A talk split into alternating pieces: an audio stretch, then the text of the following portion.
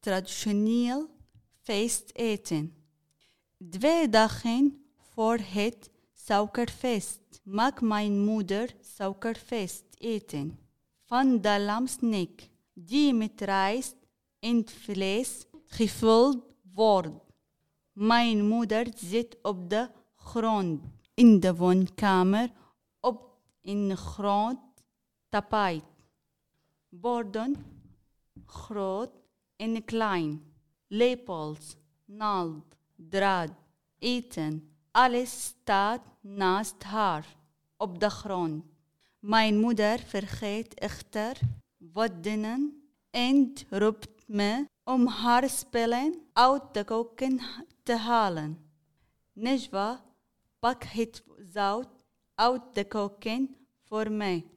Nejwa, de kruiden ook. Waar zijn de kruiden? Kom op, Nejwa. Mijn moeder zegt zuchtend dat de pan te klein is voor de nek van het grote schap.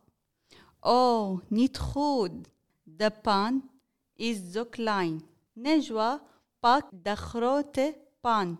Oké, mama. Ik vraag haar. Wil jij nog iets anders van mij? Ja, ik wil de rijst in het gehakt. Vergeet ook niet de naald. Oké, mama, alles is klaar. Mama, de naald in de draad ligt naast jou op de grond. Oh ja, ja, dat klopt.